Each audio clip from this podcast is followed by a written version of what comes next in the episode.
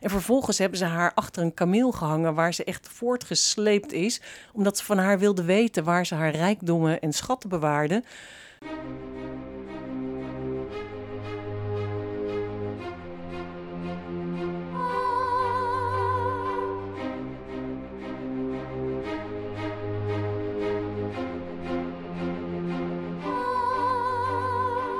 Welkom bij de podcast Stoere Vrouwen.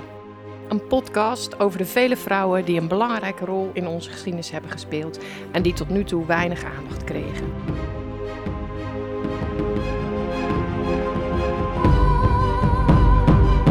Stoere Vrouwen.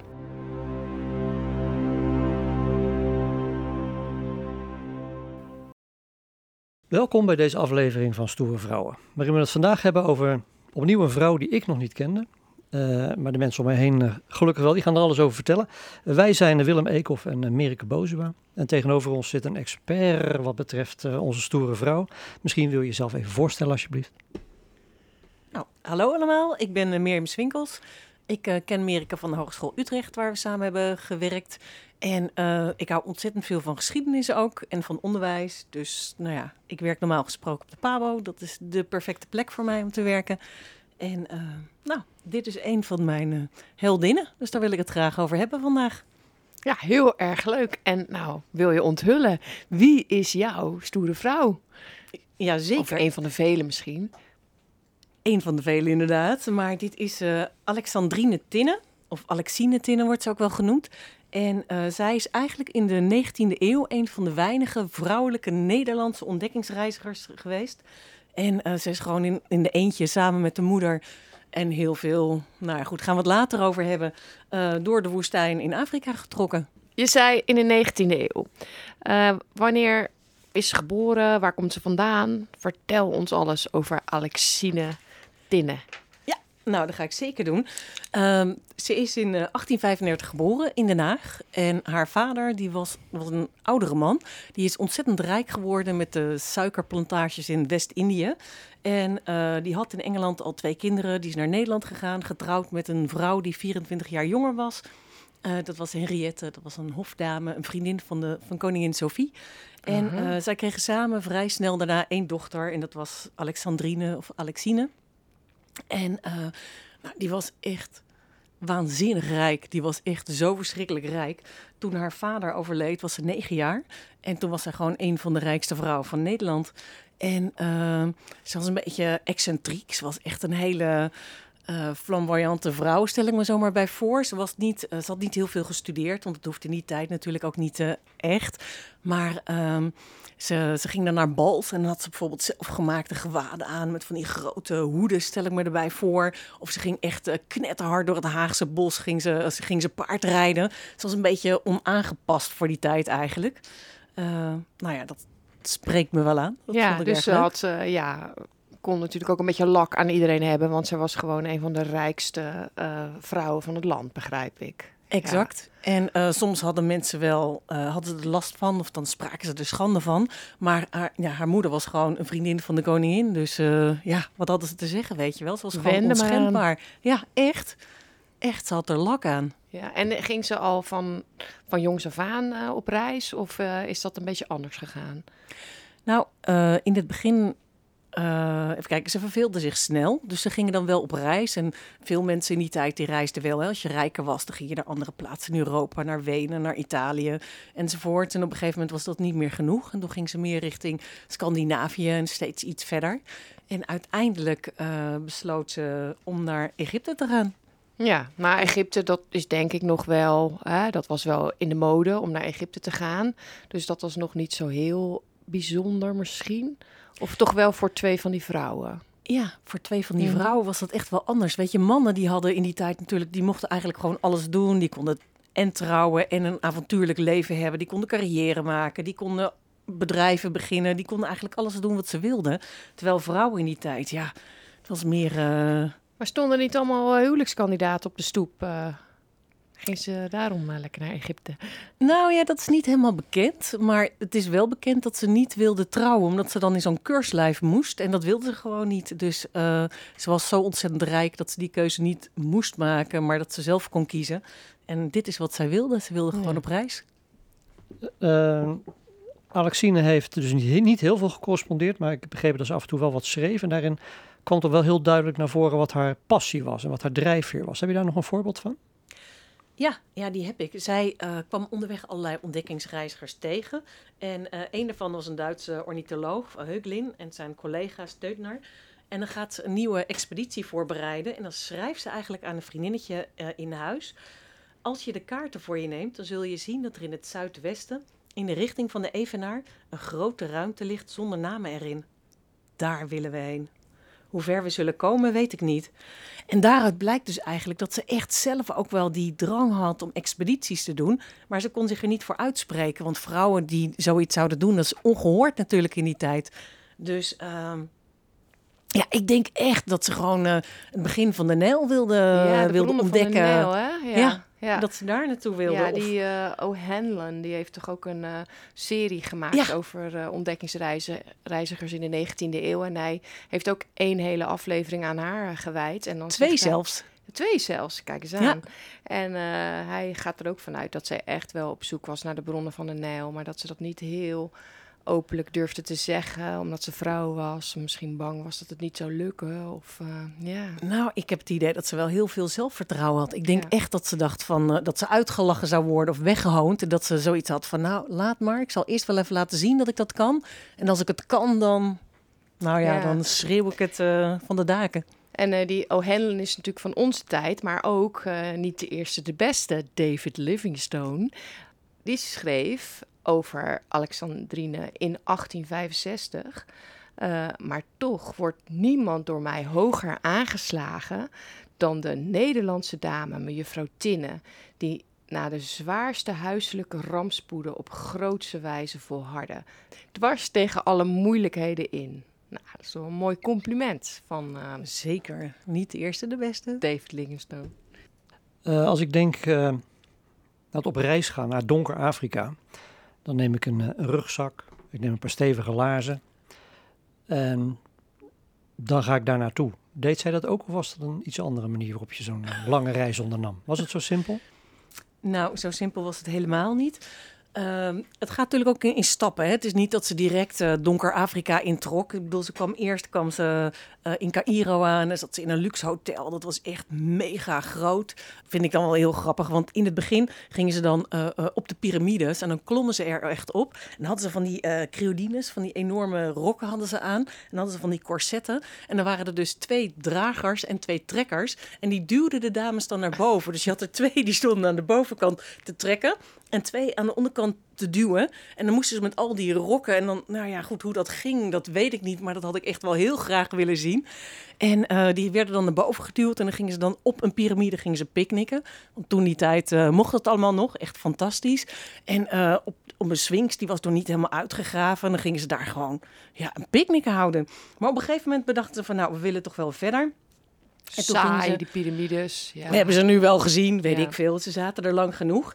Dus toen gingen ze op reis en ze reisden echt rond als koninginnen. Want ze hadden bij zich door de Nubische woestijn 750 mensen. Dat waren 750 bedienden, 102 kamelen en uh, Alexine Tinne die had vijf hondjes waar ze echt dol op was. Maar uh, al ga je door de woestijn reizen, er ligt daar best veel zand namelijk. en uh, ze was een beetje bang dat die hondjes zand tussen hun pootjes, tussen hun teentjes zouden krijgen. Dus ze had voor iedere hond had ze een kameel geregeld. En er was een speciaal mandje met een kussentje opgemaakt, zodat die hondjes geen zand tussen hun tenen kregen. Nou, vind ik echt fantastisch. maar ze gingen dus echt op reis met al hun spullen. Maar um, even kijken, even.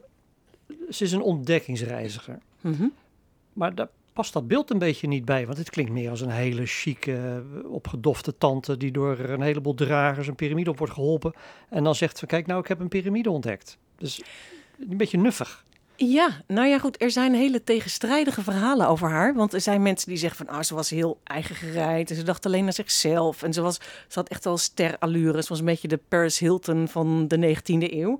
Uh, en aan de andere kant had ze ook heel veel moed. En ze had ook een, eh, een geweer. En ze liep zelf ook wacht. Op een gegeven moment moesten ook, uh, waren ze bij een oase, daar komen we later wel op. En dan moest er de wacht gehouden worden. En er waren er steeds vier uur. En dan kwam er een andere wacht. En zij liep ook als soldaat, liep ze wacht. Um, ik, las het verhaal van uh, Alexandrine. En er zat een tegenstrijdigheid in. Want aan de ene kant liet ze zich ronddragen door vier grote, sterke helpers. Gekleurde helpers. En tegelijkertijd wordt ze ook wel gezien als iemand die zich verzette tegen slavernij. Dus aan de ene kant gebruikt ze mensen voor draagwerk. En aan de andere kant vindt ze het onterecht. Dus een beetje tegenstrijdig. Klopt dat? Wat ze... Ja, dat klopt. Dat is eigenlijk bij uh, haar latere expedities. Toen ging ze echt naar Zuid-Soedan eigenlijk uh, toe. En uh, dat was een heel gevaarlijk gebied. En dat, ze wisten ook dat het heel gevaarlijk was. En daar woonden eigenlijk alleen maar slavenhandelaren en de slaven die ze gevangen hadden. Dus ze vertelt er ook vaker over. En ze zegt ook van, oh, het is hier echt verschrikkelijk om slaaf te zijn. Die mensen die zitten aan de zijkant met zware gewichten om hun halzen. En die kunnen geen kant op. Ze zien ook dat mensen zich soms dat ze ziek zijn en die worden dan gewoon hup, weggeworpen en door de hyena's opgegeten, want die zitten daar allemaal uh, te wachten, zeg maar. Ze probeert af en toe ook slaven uh, te kopen om ze nou ja, te redden, zeg maar. Maar die vrouwen en kinderen die ze dan zeg maar koopt, die worden of weer gestolen en teruggebracht naar die slavenhandelaren, of die, ja, die overlijden, want die zijn er niet aan gewend aan de manier van leven, of die zijn al te ziek. Uh, maar het gekke is dat haar vader, die heeft zijn fortuin eigenlijk verdiend uh, in de suikerplantages. En dat is slavenwerk. Dus haar fortuin is eigenlijk gebaseerd op slavernij. En anderzijds zegt ze wel van, oh, het is zo erg en hoe ze ermee omgaan, dat is verschrikkelijk. Maar ze maakt er ook weer gebruik van. Dus het is heel dubbel. Het is een raar verhaal. Maar ja, ze kan natuurlijk ook niet. Ja, dat kapitaal, dat is er nou eenmaal. Maar ik heb inderdaad wel gelezen dat ze vooral veel uh, vrouwen vrijkocht. Klopt. Dus, uh, en degene die haar hielpen, die betaalden ze. Dus dat waren geen slaven. Dus dat was natuurlijk heel laag betaald personeel. Maar goed. Nee, dat klopt. Maar op een gegeven moment zijn door de, uh, de consul, de, door een Turkse consul, zijn ze heel uh, verwelkomd, heel hartelijk verwelkomd. En die heeft ze binnengehouden. Oh, dat is ook heel grappig. Ze waren dus in Cairo en ze werden door de Turkse consul werden ze verwelkomd. En er waren allemaal feesten. En die dames die waren eigenlijk zo ja, hoe hoogmoedig, of hoe zeg je dat? Dat ze dachten dat al die feesten speciaal voor hun waren. Dat ze zeg maar de eregasten waren, koninginnen. En toen bleek achteraf dat het eind van de Ramadan was. Dus dat het toch sowieso enorme feesten waren. Maar dat denken ze dan wel. En dan willen ze die man daarvoor bedanken. Van, oh bedankt, wat fijn dat je ons zo gastvrij hebt onthaald. En dan uh, kopen ze dus een slavinnetje van uh, eh, 12 jaar. En dat is dan toch ook alweer vreemd, ja. toch? Ja. Dus je ziet echt zo'n hele tegenstrijdigheid in die omgang met slaven. Ze vinden het ergens afschuwelijk, afschuwelijk om te zien, maar hun eigen kapitaal komt daar vandaan. Ze kopen zelf ook uh, ja, slaven voor iemand anders dus. Hmm. Maar, en misschien veranderde ze veranderde haar ideeën daarover in de loop van haar leven toen ze er meer mee geconfronteerd werd in die latere reizen. Dat, zou dat kunnen? Ja, dat kan. Dat hmm. kan. Maar je hoort ook wel dat ze uh, verderop, en een van de latere reizen, dan komen ze ergens in een moeras terecht. En ze hebben dus die 700 dragers uh, bij zich. En uh, die hebben het echt heel zwaar en die komen vaak tot hun knieën, zitten ze in het moeras. En dan worden ze niet gespaard, maar dan zeggen van kom op, doorgaan, huppatee. En dan, nou ja, goed, zodat ze zich uiteindelijk zelfs gewoon bijna doodwerken, neervallen, door de hyena's opgegeten worden, verdrinken, wat dan ook. Omdat ze het niet aankunnen. Dus enerzijds wel heel empathisch. En anderzijds... Ja, toch wel een beetje gewoon zoals Westerlingen zich uh, gedroegen. Ja, nou ja, ja, kind van die tijd, denk ik ook. Ja. Ze nam ook nogal wat mee, hè, las ik. ja. Die had ik wel 700 man nodig. Bedden, geloof ik, en spiegels. En... Zij namen echt waanzinnig veel geld mee toen ze naar, naar Egypte gingen. Met, uh, op een gegeven moment ging tante Addie ging ook mee. Hè? Twee dames, uh, Alexine en haar moeder nam ze altijd mee. Die was een jaar of zestig. Alexine was de eerste keer een jaar of twintig. Later kwam tante Addy ook mee. En zij namen mee 800 pond aan kopergeld. Daar hadden ze dus al heel wat kamelen voor nodig om dat mee te nemen. Ze namen ijzeren bedden mee, geweren, water. Altijd handig in de woestijn. Dat is altijd kan niet zonder. Je kan zeker niet zonder. Matrassen voorop die bedden. Maar ze namen ook 32 kratten met meubels mee, waarin boeken, spiegeltjes, gravures, tapijten, eh, zilveren serviezen eh, en bestekjes zaten. Want dat heb je natuurlijk allemaal nodig als je op reis gaat. Ja, het is een soort glamping eigenlijk. Hè? Ja, Ja. in de hele extreme vorm. Ja, nou, voorlopen ook daarin. Eh, jij zei tante Addy en haar moeder. Nam zij echt, ze ging dus niet alleen, ze nam dus eh, familie mee. Ja, ik ga eventjes een stukje vertellen, want dat vind ik namelijk echt heel erg grappig. Ehm, Alexine maakte dus zelf geen wetenschappelijke aantekeningen, geen dagboekaantekening. Dus wat we weten komt eigenlijk uit brieven die zij schreef en brieven en dagboekaantekeningen van haar moeder.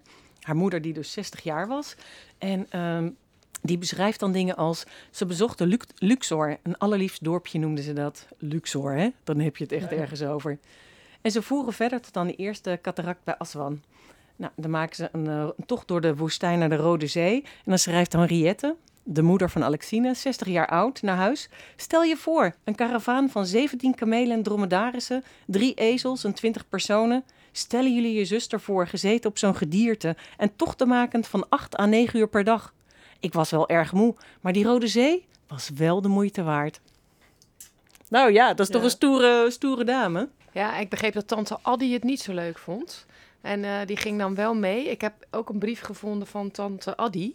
Eh, en die schrijft: Het is erg jammer dat Alexine niet een wat redelijker smaak heeft. En dat ze haar geld wegsmijt op een dergelijke belachelijke en nutteloze wijze. Terwijl er zoveel mooie landen zijn, brengt ze ons naar deze vreselijke plek. Schrijft ze in 1863 als ze in Khartoum zijn. Of vanaf Khartoum een expeditie hebben ondernomen. Ja. Ja, ja, fantastisch hè. Want Alexine die schrijft bijvoorbeeld... Tante Addy wist werkelijk niet meer hoe ze het had. Stel je voor dat zij zo bang voor alles was. Zo dodelijk bang om zich te bevinden te midden van mensen en dingen... die in niets geleken op wat zij gewend was. Dat zij volkomen buiten zichzelf geraakt was... en bijna, bijna het hotel niet uit te krijgen was. Dus die tante was echt waanzinnig bang overal voor. Maar ze bleef wel... Want er gaat een of ander gerucht, heb je dat ook gehoord? Er gaat een Nee. gerucht, zij kwam van het Russische Hof vandaan. En ze had of ze had financiële problemen en was dus afhankelijk van Alexine en haar moeder en het kapitaal daarvan. Of ze had een of andere romans gehad met iemand aan het Hof van de Tsaar. Dat Nou ja, denk ik. Die, nou ja, goed. Ja, ik vind het wel heel fascinerend. Ik ben Ja. wel heel benieuwd. Ik had graag wel daar een vlieg aan de muur willen zijn. Als ik het goed begrijp, ging ze dus eigenlijk steeds eh, verder weg. Dus eerst was eh, Scandinavië al eh, exotisch, toen Cairo. En daarna kwamen nog, ja, werden de expedities steeds ja, spannender en naar meer onbekende plekken. Klopt. Eh, in de tijd in Cairo. ehm, ze, Alexine was heel dol op die Arabische wereld. Hè. Ze ging zich ook zo kleden. Ze sluierde zich ook. Zodat mensen eigenlijk als ze op de bazaar gingen lopen. dan herkenden ze haar niet als een vreemdeling. En ze gingen steeds eh, verder. Dus eerst naar Khartoum, inderdaad, die tocht. En eh, hadden ze met Wel die een boot. verbetering na die vodden die ze dan in eh, Den Haag aan had. Nou, ik denk niet dat het vodden waren. Ik denk gewoon dat het echt een hele extreme, bizarre kleding was. Ja. En ik bedoel, als je natuurlijk die exotische Arabische kleding Ja. aan hebt, dat is ook bizar. Dus ik Ja. denk dat ze daar gewoon van hield. Dus dat, dat snap ik Mhm. wel. Nou ja, goed, dus die eerste keer naar Khartoum met die 32 eh, kisten met die spiegels en boeken en tapijten en die bedden enzovoort. En ehm, oh, dan vertelt ze eigenlijk ook nog dat ze die karabijn heeft eh, gevonden om op groot wild te gaan schieten. Dus ze vond het ook echt wel spannend, hè. Ze wilde ook echt wel op jacht en ze wilde dingen zien voor haar eigen genoegen. Nou, en dan komen ze weer terug en dan eh, gaan ze met tante Addy eh, gaan ze weer weg. Op weg naar het onbekende. Ze gaan richting Ethiopië, Zuid-Soedan komen ze dan. En dan komen ze in dat gebied waar die, waar die slavenhandelaren zijn. En dat is eigenlijk echt een eh, afschuwelijke, afschuwelijke reis. Want ze komen dan, op een gegeven moment zijn ze gestrand in een moerassig gebied. En daar is één slavenhandelaar die daar is. En dat is de enige die eten heeft. En zij zit daar met haar hele gevolg en alle, alle spullen. En zij denken allemaal dat zij een, een koningsdochter is, bij wijze van spreken. Met al de geld en de kamelen en de mensen en de boten. En bedenk het maar. Dus eh, hij perste eigenlijk af. Ze hebben daar vier maanden moeten zitten omdat ze er niet weg konden komen. En ehm, hij liet er gewoon steeds meer betalen. Dus in het begin was hij nog heel vriendelijk en was ze erg onder de indruk. Maar later wordt het steeds eh, erger. En, eh, Onaangenamer. Als ik die verhalen hoor van eh, expedities naar verre, onontgonnen gebieden enzovoort. En al die ontdekkingsreizigers die dat meemaken. dan zit er ook altijd een groot deel tragedie bij. Er gaan allerlei mensen dood aan difterie, stort in een kloof en dat soort zaken. Hoe is het verder gegaan met uh, tante Addy en de moeder en met haarzelf? Zijn er nog ernstige, ernstige dingen gebeurd? Ja, helaas wel. Ja, die tragedie die hoort erbij. Hè? Bij de ene laatste expeditie, toen uh, gingen ze met die Duitse wetenschappers gingen ze, uh, dus richting Zuid-Soedan. Dat witte gebied ontdekken op die kaart wat er niet was. En toen kwamen ze dus bij die slavenhandelaar terecht, die ze daar vier maanden vasthield. En op een gegeven moment werd die moeder ziek. En uh, die Duitse wetenschapper die had de moeder kinine voorgeschreven toen ze ziek werd. Maar blijkbaar zat er een laxerend middel in. En alle mensen die dat uh, geslikt hadden, die werden heel ziek. Die kregen diarree. En die moeder die kreeg echt een enorme dorst. En dat was heel zielig. Af en toe was ze goed bij en was ze goed met haar te praten. Maar ze had echt een onlesbare dorst. En toen op een gegeven moment toen hadden ze alle spullen gepakt en wilden ze weer gaan vertrekken. Maar die moeder lag nog te slapen. Toen hadden ze zoiets van, nou dat is ook raar. En op een gegeven moment toen dachten ze van, nou we gaan toch echt kijken, want we willen echt vertrekken. En toen bleek dat die moeder uh, overleden was. Mm. Dus um, het was niet, uh, zeker niet goed gegaan. En Alexine was ook echt ontroostbaar, want haar moeder, nou, die was gewoon altijd bij haar geweest. Op alle expedities, naar alle ja, oerwoudtochten door land waar nooit iemand kwam, was haar moeder er altijd. En nu was die uh, overleden. Dus uh, ze was echt uh, oneindig verdrietig. Ze heeft haar moeder in een, ja, in een tinnen doodskist laten leggen. Want wat, wat moet je dan ook? Hè? Als je in de binnenlanden in de woestijn zit, in the middle of nowhere, en dan overlijdt je moeder, je kan haar niet daar laten. Ja, en dan gaat er ook nog een kamermeisje van haar moeder gaat dood. En haar eigen kamermeisje, die er al was vanaf haar geboorte. Kamer, die... kamer, tentmeisje. nou ja, het was toch een hele luxe tent, hè? We hebben het dan wel over spiegels en eigen zilveren bestekjes en uh, porselein enzovoort. Okay, okay, okay. Dus al die kamermeisjes, die kamermeisjes, al die bediendes, hoe noem je de? Flora en Anna heten ze. Gaan ook allemaal in tinnen doodskisten en die worden weer meegenomen naar Cairo. Daar is tante Addy, want die was die keer achtergebleven. En uh, die worden eigenlijk nou ja, verscheept naar Nederland. Tante Addy die, uh, is ook overleden uh, aan ziekte. En uh, die is in Cairo dus overleden. En die vier doodskisten die heeft ze naar Turkije gebracht. Waarna ze ze aan een oom heeft gegeven. Die heeft ze naar Nederland gebracht. En Alexine is teruggegaan naar Egypte. Die wilde nog één laatste excursie doen. En toen? Het ja. klinkt als een cliffhanger, maar ik heb het idee dat dit niet goed afloopt. Klopt dat? Nee, dat klopt. Zij was ja, na de dood van haar moeder was ze echt wel de weg een beetje kwijt. Ze blijft dan in, uh, ze blijft dan in Cairo. En dan uh, gaat ze uh, allerlei voorwerpen verzamelen. Ze wordt echt een beetje zo'n raar kattenvrouwtje, maar dan de Arabische variant daarvan. Ze gaat dus in de gewaden, gaat ze daar rondlopen over die markten. En ze begint dan een ziekenhuis voor arme ezels. Mm -hmm. ja, tuurlijk. Ja. Alsof er daar geen andere problemen zijn. Nee, ja, bizar ja. hè? Ja. Nou, dat vind ik echt wel heel grappig. Um, ze is dus heel erg gefascineerd door die Touareg. En uh, ze wordt uitgenodigd door zo'n Touareg-leider. En daar brengt ze vier dagen bij door. Oeh. Oeh. En nachten. Ja, ja, ja. Ja, ja daar, dat denk ik wel. Dat hoop ik voor haar ook. Maar dat weet ik dus niet zeker. En ze vertelt echt... Nou ja, ze schrijft lyrische brieven naar huis... over die prachtige gewaden, die versieringen enzovoort. Ze komt bij die uh, Touareg-leider vandaan... na vier wilde nachten. Nee, dat weet ik natuurlijk uiteraard nee. niet. Um, ze gaan uit elkaar en zij uh, is op een gegeven moment op een nacht bij een oase en ze worden s'nachts overvallen. Nou, er waren soldaten mee, dus er hebben soldaten ook op wacht gestaan. Er is een of andere vechtpartij vindt daar plaats. Zij komt uit haar tent en dan uh, komt één Touareg was het ook. En die hakt haar hand af. Nou ja, goed, dat bloed dat moet echt alle kanten op gespoten hebben. Dus zij... Uh, ik weet niet wat ze nog meer gezegd heeft. Een ander die heeft nog een keer op haar ingeslagen. En vervolgens hebben ze haar achter een kameel gehangen... waar ze echt voortgesleept is. Omdat ze van haar wilde weten waar ze haar rijkdommen en schatten bewaarde. Nou ja, goed, ze heeft het niet uh, overleefd uiteraard. En uh, ze is daar ter plekke gestorven. Ze hebben haar nooit gevonden, dus ze weten niet precies wat er met haar gebeurd is. Nou ja, goed.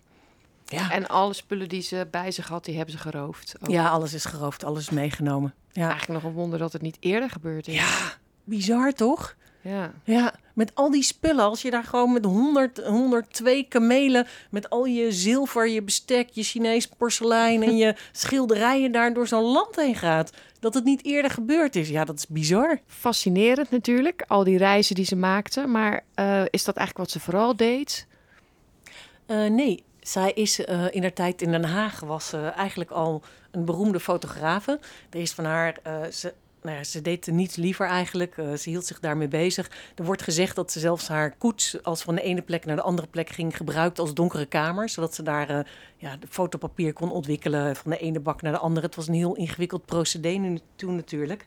En ook op haar reizen maakte ze foto's. En die zijn nu nog op verschillende plekken, voornamelijk in Den Haag, zijn die nog te, te vinden. Mhm. En ze maakte ook nog tekeningen, of wat is het ook weer precies? Ja, ja er zijn vandaar een aantal aquarellen ook van de huizen waar ze in gewoond heeft en kamers. En er zijn ook. Uh, ze heeft wel, ze deed niet echt wetenschappelijk werk, maar ze nam bijvoorbeeld wel planten en zaden mee, waar dan weer foto's van gemaakt zijn door anderen of tekeningen van gemaakt zijn. Dus ze heeft wel dingen voor de wetenschap gedaan. Okay. Wel waanzinnig als je in die tijd, waarin vrouwen gewoon vooral binnen zaten en feestjes regelden en gewoon saaie dingen deden. Dat zij gewoon in haar eentje door donker Afrika ging waar gewoon niks bekend was. Ik bedoel, veel mannen die kwamen, durfden daar niet te komen. En dan ging zij gewoon met twee vrouwen, met echt waanzinnig veel wachters en kamelen enzovoort. Maar goed, wel gewoon daar naartoe. Dat is toch waanzinnig? Ja, ja zeker.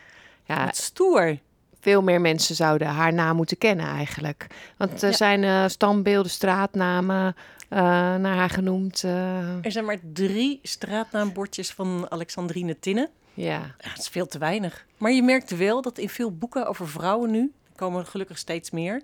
Ook die van Arend van Dam voor jongere kinderen of voor, ja, volwassenen eigenlijk ook. Dat er steeds meer aandacht voor is wel.